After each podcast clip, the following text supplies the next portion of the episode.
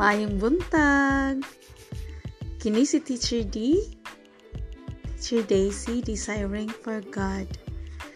Atong sundan ng mga pagbasa sa mga panultuhon, Kapitulo 15, 1 hangtod sa 33. Kapitulo 15, versikulo 1 hangtod sa 33. Naguluhan kini og mga panultihon ni Solomon. Ang bersyon nga atong basahon gikan sa maayong balita Biblia. Ug usa ta magsugod, mag-ampo sa kita. Sa ngalan samahan sa anak sa Diyos Espiritu Santo. Amen. Amahan namo, good morning. Daghang salamat sa kabuntagon nga imong gihatag kanamo. Kung unsa man ang panahon nga naa sa namati karon, daghang salamat. One man nag aninag man ang kainit o nag-snowman kung pananglitan na abot ni ditong dapita. Daghang salamat, Lord. Daghang salamat sa mayong pagkatulong. Salamat sa kinabuhi nga niya pa kami karon. Tabangi kami nga maandam unsa imong design para sa among kinabuhi. Sa imong gusto na dapat namong buhaton. Asa may nga part para sa pag-andam sa kingharian. Ug unsaon ka paghimaya sa among kinabuhi.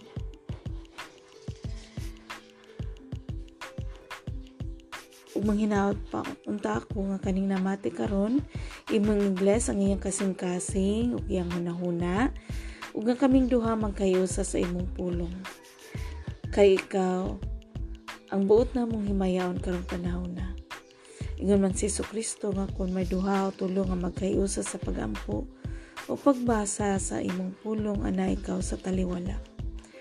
Among gihangyo nga kami unta mandam sa imong kamatuoran ug kini mutisok sa among hunahuna, kasing-kasing, lawas ug kalag. Kay ikaw ang among buot himayaon. Amo usab apil sa among pagampo ang COVID pandemic intention.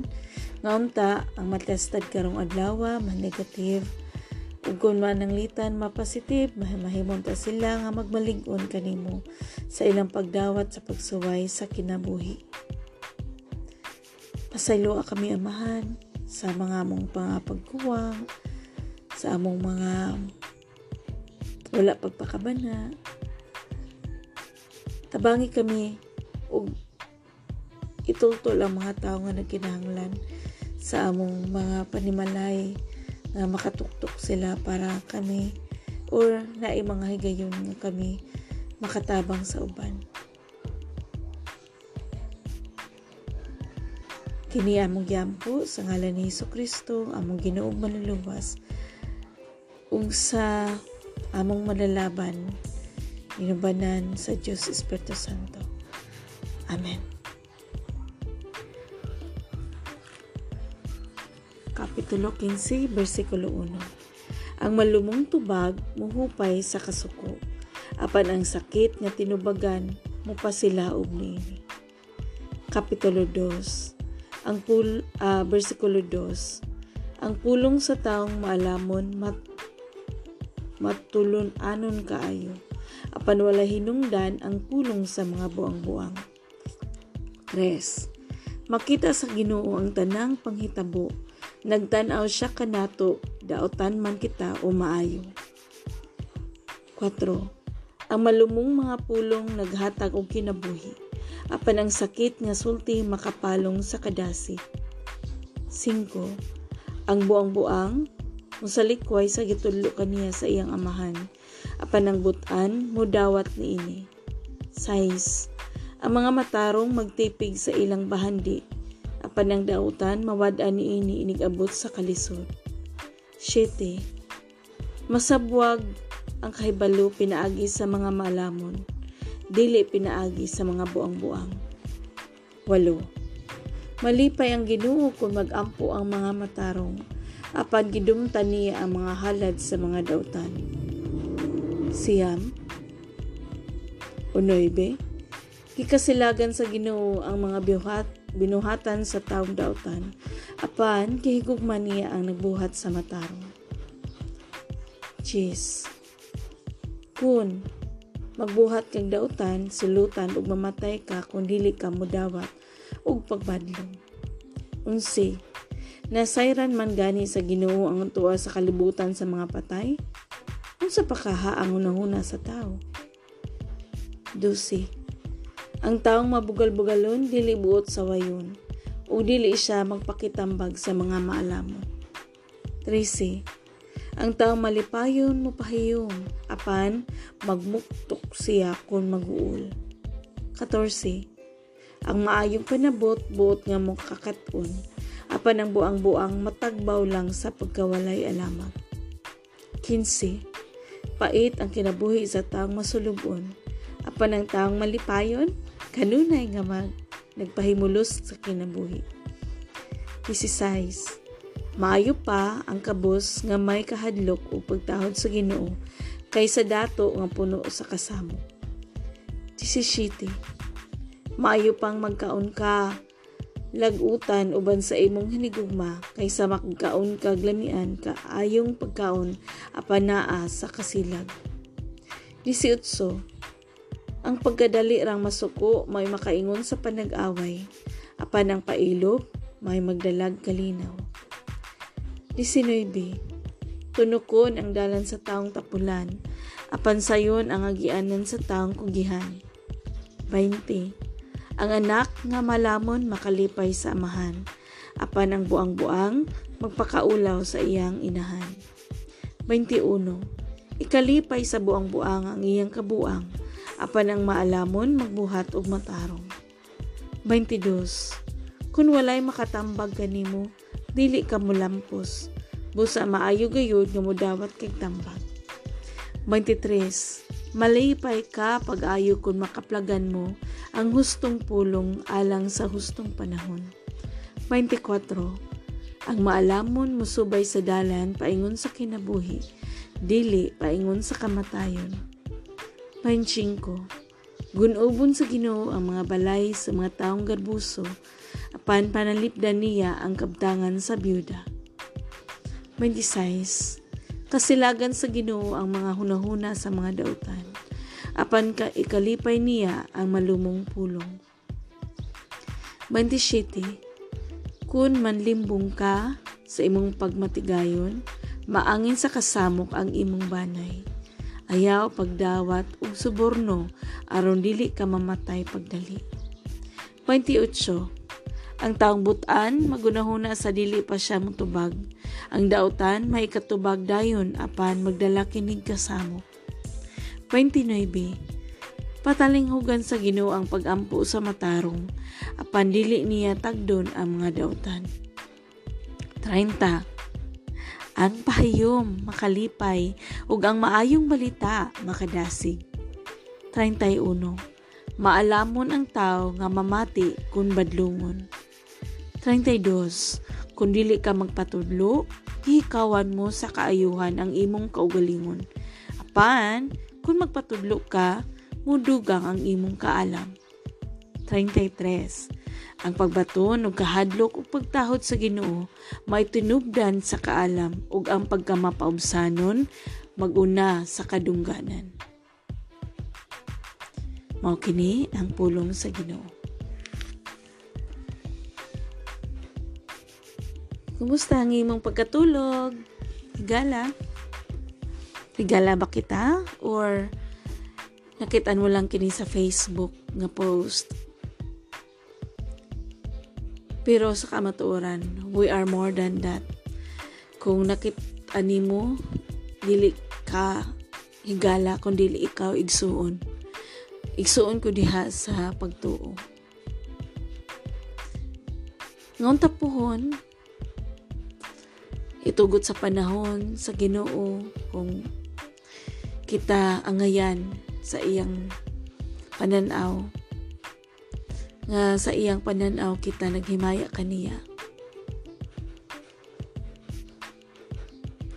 Maabot na to ang atong hingyap nga makakita sa atong Ginoong Heso Kristo. ang atong Ginoong Kristo nga gipaabot ug ang kingharian sa langit nga atong gihingyap nga mapuy-an. Ang atong kinabuhi lumalabay lamang ug kining atong mga gipamasa karon. Usa kini nga mga giya unsa ang pagkinabuhi nining kalibutan? Ug dili pa lang gayud ni ana unsa na to pagkinabuhi? Nga may kadasig diha sa atong pagtuo diha sa atong paglaom diha sa atong kahadlok sa Ginoo. Kung tinuod natong gitahod ang Ginoo we respect. Mahadlok kita. Ilhon naton ilhon gyud kinsa siya? Unsa iyang mga laraw? Unsa iyang kinaiya? Unsa iyang gusto sa atong kinabuhi or unsa iyang gusto sa rason nga nung nabuhi ta? Ug kung kahibaw mo ako usa ka babae nga minyo pero walay anak. Diba kung magminyo ka eh, you're thinking of course nga magkapamilya ka may anak syempre iba na pero dusi na may kaanyos katuig dusi na may katuig buyag sa ahong pares. Pero wala gihapon may tagaan o higayon sa Ginoo nga naay anak. Wala ko kini hatagi og permiro oo. Nahimo ko nga nangutana ko sa Ginoo nga tungod sa akong pagpangutana pagpakisayod kitagaan ko sa Ginoo og gaalam. Or akong gisabot nga ah, siguro na ilahi nga design si God sa akong kinabuhi.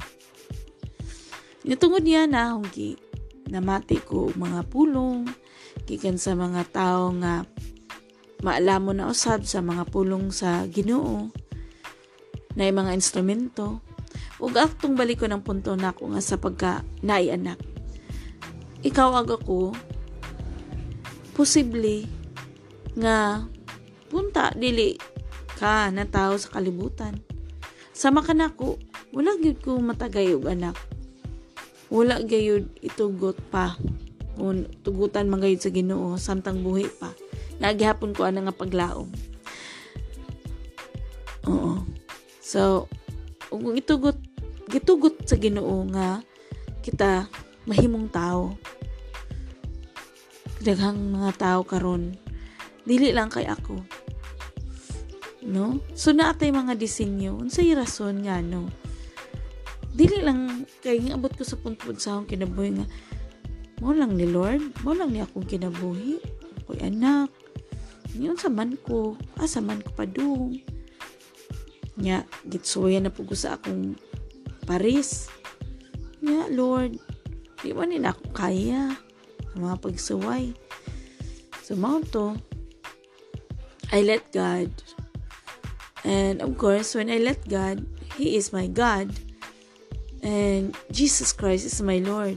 So everything that I do, I think of it as akong giunahon na nga ako na siyang gasa or mo ni akong halad. So kani ako atong mga pagbasa. Halad ni para kanako og ikaw akong gipaambit or gidasig nga muban. Ni ini nga mga paghalad. Kay kay bawman ta ang kani nga tong kinabuhi lumalabay lang. Nya, asa man tapadong, di ba? Kung hintuog yun ta sa Ginoo, nga ang atong Ginoong Hesus Kristo may atong Ginoo, atong bansayon ang atong kugalingon unsa gistorya niya, unsa iyang mga leksyon, unsa iyang mga pagtudlo. Hmm. Gawas ni ana no. Ako isip maestra, magtutudlo sa pag-eskwela sa mga estudyante. So, namatyagan ko nga ang atong Ginoo is infinite, why katapusan, why sinugdanan, infinite. So ang infinity kung maghihap ta karon, pwede ang atong paghihap sa atong kinabuhi. Kutob lang ta siguro ang uban 15 ang uban 30 ang uban 50 pero tungod kay mingon sa Hesus Kristo nga kita na isang putanan. Nga kita pohon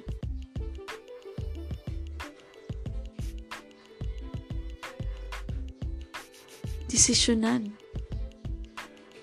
i-judge. Nga kita nga nagtuo sa Ginoo natay padulngan. So karon higala igsuon ato na nang desisyonan samtang naapata sa kalibutan kay ang pagdesisyon ko no nagsugod dinhi asa manggayod ka sa tuo ba ka? O sa wala? Unsa nga mga butang nga buhaton isip naka sa tuo from the word tuo magtuo ka. Magtuon ka.